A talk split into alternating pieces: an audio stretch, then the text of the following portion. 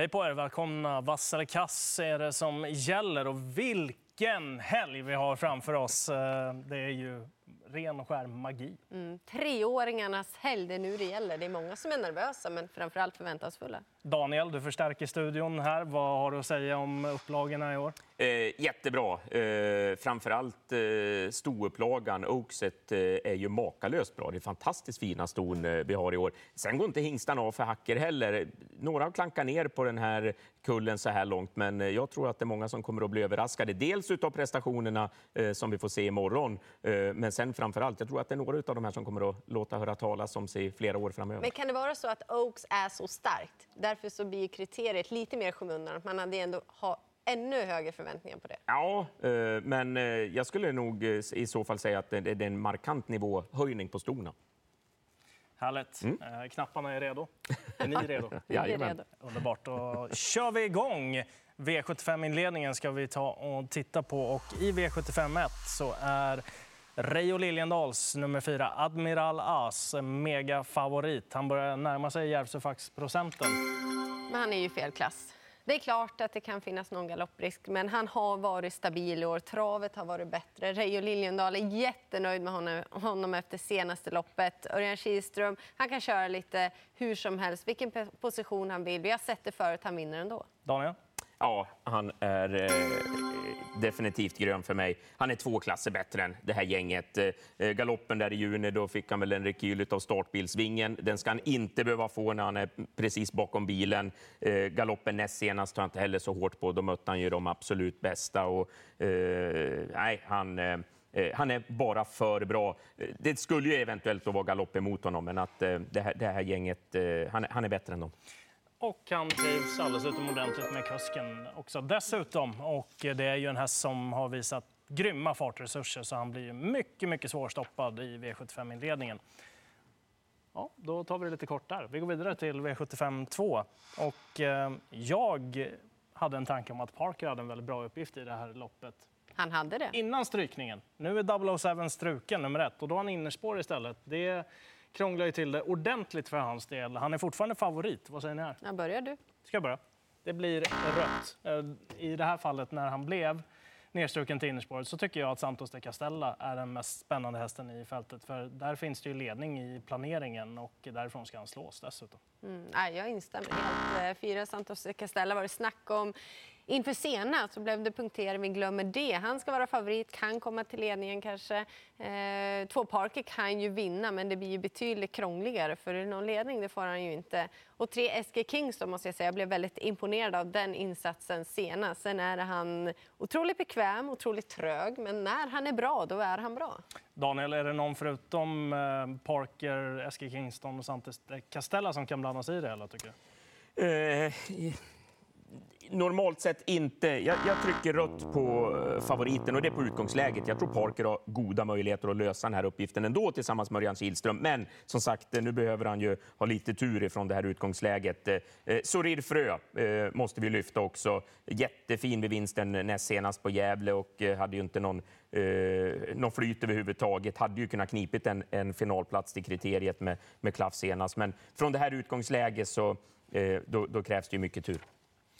Då går vi vidare till eh, V75ans tredje avdelning. Det här är ju ett eh, riktigt roligt spellopp. Det är så att Rarity AF är eh, favorit, knappt sådan, 20 procent just nu. Det är henne ni ska bedöma. Örjan Kihlström i sulken bakom nummer fem, Rarity AF. Ja, men det är såklart spännande, men jag gör ändå så här. Det hade jag gjort på vem som helst i det här loppet. Väldigt öppet, ha många. Framför allt säger jag sju Saga Dock.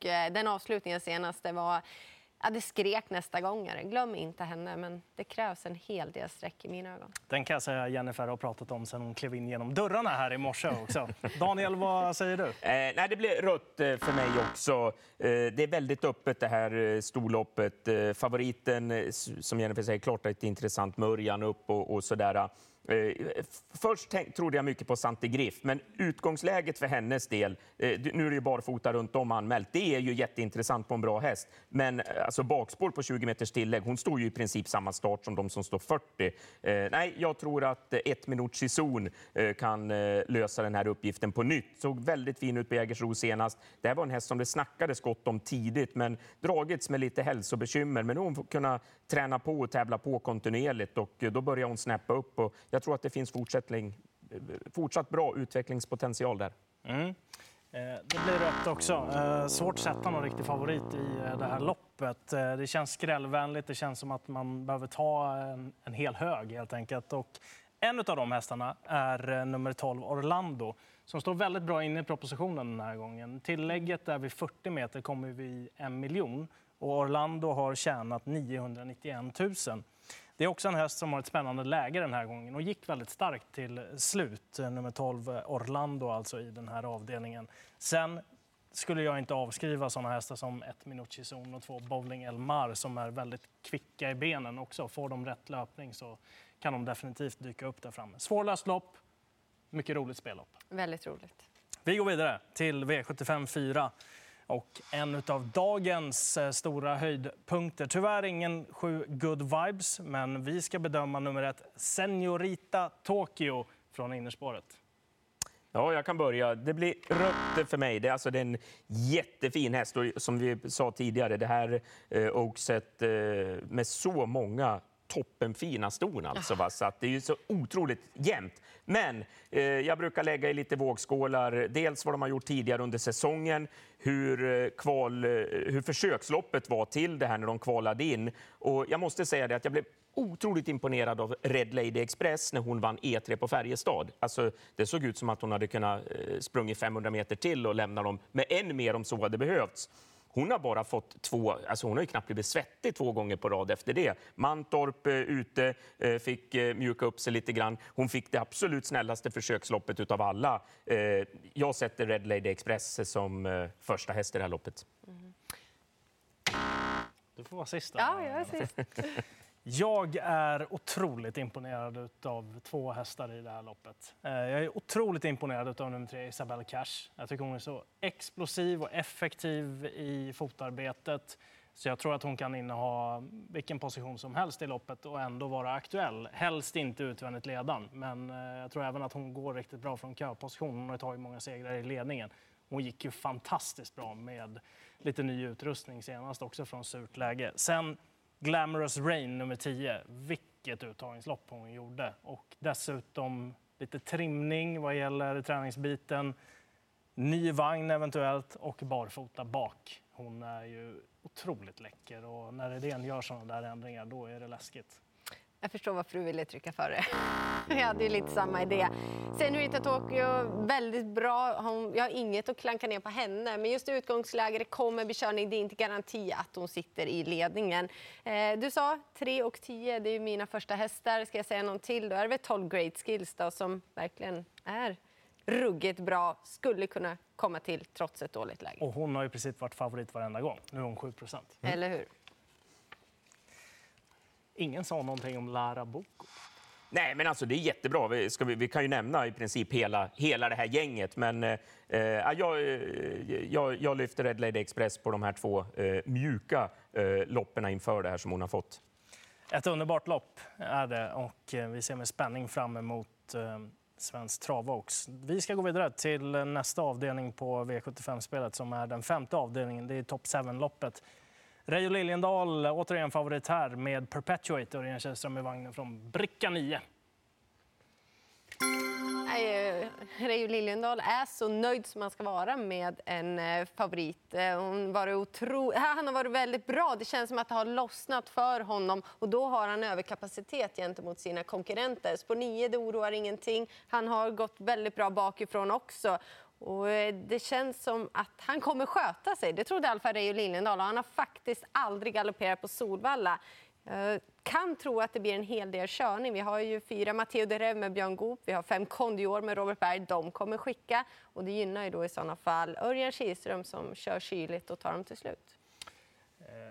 Det blir rött för min del. Jag sätter första budet till Matteo Drev i det här loppet för att han har det bättre läget. Sen ska man lyxa till det i det här loppet och ta någon häst som inte spelade överhuvudtaget.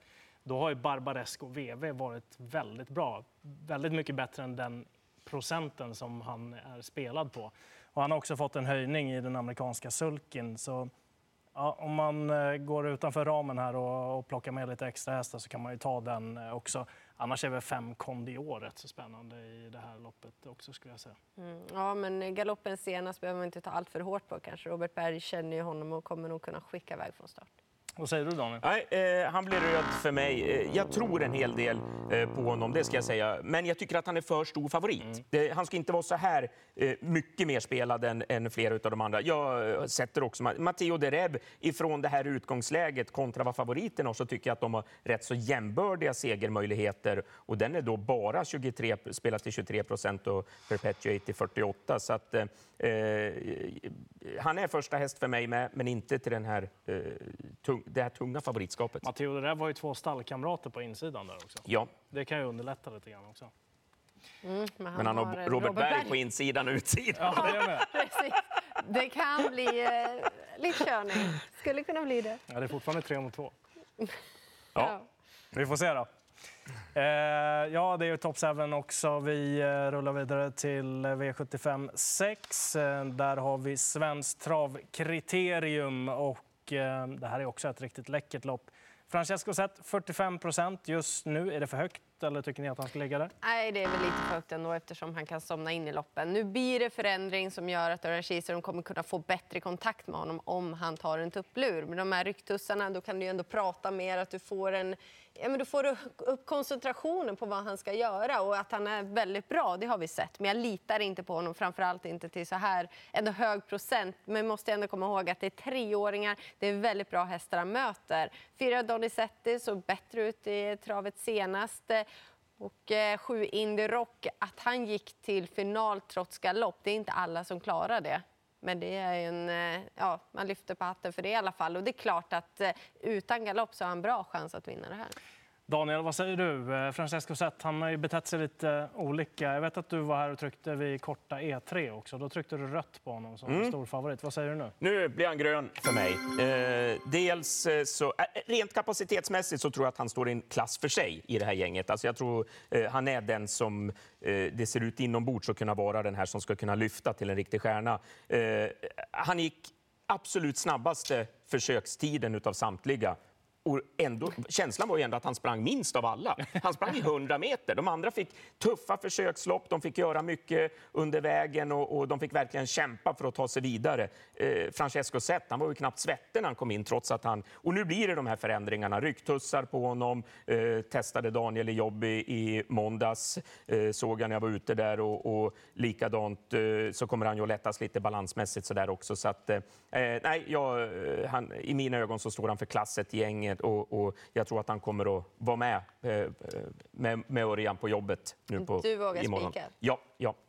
Jag tänker inte spika honom. Eh, Jag tror att eventuellt kanske att han droppar lite grann också så att han landar kring 40 och då tycker jag att det är okej för det är nog där han ska ligga också i det här loppet. Sen finns det i mina ögon två väldigt spännande motståndare och den ena är nummer två Mr Invictus som ska gå barfota runt om nu. Jättespännande. Om han har sin dag då så skulle det kunna gå också. Och sen sju Indy Rock som övertygade stort vid att han ens kvalade in till det här loppet. För det är inte så många hästar som lägger den markförlusten och ändå är så pass nära segern i uttagningsloppet. Så jag tycker att han har visat ordentlig klass. Eh, Donizetti är också ett givet bud där bakom. Men eh, Indy Rock eh, har jag gillat ända sedan han började starta nummer sju. Så den tänker jag inte släppa. Vi går vidare till eh, nästa avdelning på V75-spelet. Det är den sjunde avdelningen. Grandfather Bill, nummer två, är favorit eh, här. Och vad göra med V75-avslutningen? Eh, ja, jag kan börja med, jag trycker rött eh, på honom. Han har varit jättefin eh, vid de här segrarna och utgångsläget är ju dessutom bra. Men eh, Björn Goop snackade om att han ska lätta ett Astrona Center Sack. Och en ready cashare som har kommit till det momentet när man kan börja lätta av dem, då kan det hända enormt mycket grejer. Så att eh, Björn Goop, eh, en så bra kusk med en kapabel häst med ny, lite lättare ny balans och så bara spela till 6 procent. Det tar jag gärna i avslutningen. Precis. Björn, final, lättad balans, spetsläge med häst som trivs bäst i ledningen också. Mm, det är ju därav att det blir på favorit i Grand Father Bill. För skulle Grand Father Bill komma till ledningen, då är det hästen att slå. Men Björn Goop kommer ju verkligen försöka sätta käppar i hjulet. Och sen kommer Swagger som laddas för fullt. Det kan ju faktiskt göra så att 11 One Kind of Art återigen hinner fram i tid. Och glöm inte nio Cash Cowboy som nu har lopp i kroppen. Eh, och eh, jag eh, hänger med Daniel lite grann där också. Jag tycker att Astronaut Center Sack från innen är spännande. Eh, Björn på toppläge i en V75-final, det är alltid spännande. Och till låg procent dessutom än mer spännande. Swagger är given, Santis de Roa, nummer 6 tycker jag också har visat bra utveckling. Sen eh, är man ju förtjust i både 11 One Kind of Art och eh, även 12 Kurri Boko som eh, man har pratat gott om länge. Han fick äntligen sätta pricken över i i den senaste starten. Vilken rolig omgång. Mm, Ja. Verkligen. Vilka häftiga lopp vi får se. Så här såg knapptryckningarna ut. Vi var överens om en i alla fall. Ja, det är ju hela Sverige känns det som. Och sen var jag och Daniel överens om en också. Ja, då lyssnar inte jag. Nej. precis. Nej, men jag tycker ändå att det är rätt favorit, men jag vågar inte lita hon, på honom till så hög procent. Kommer du ihåg vad du sa till mig i morse när vi klev in där? Jag sa nog rätt mycket, jag kommer inte ihåg vad du tänkte. Saga Dock. Ja, den ja. Jo, men det... Den får man inte missa. Nej, i ett väldigt öppet storlopp så måste man ha med Saga dock, det tycker jag. Daniel, har du någon sån där måste-häst? Eh, ja, men det är i, i Stornas uppgörelse där jag tror väldigt mycket på Red Lady Express. Det är hon och eh, även Glamorous Rain som jag tycker känns eh, superspännande. Men just det här att Red Lady Express visade sån enorm kapacitet och hon gjorde det så lätt när hon vann på Färjestad. Det har folk glömt bort, för det är några månader sedan nu. Och nu har, har många av de här försöksloppen på näthinnan, men hon har bara fått två lite mjukare här inför det här, så att hon kommer att vara riktigt vass. Lycka till ni som spelar V75 till den här lördagen på Solvalla.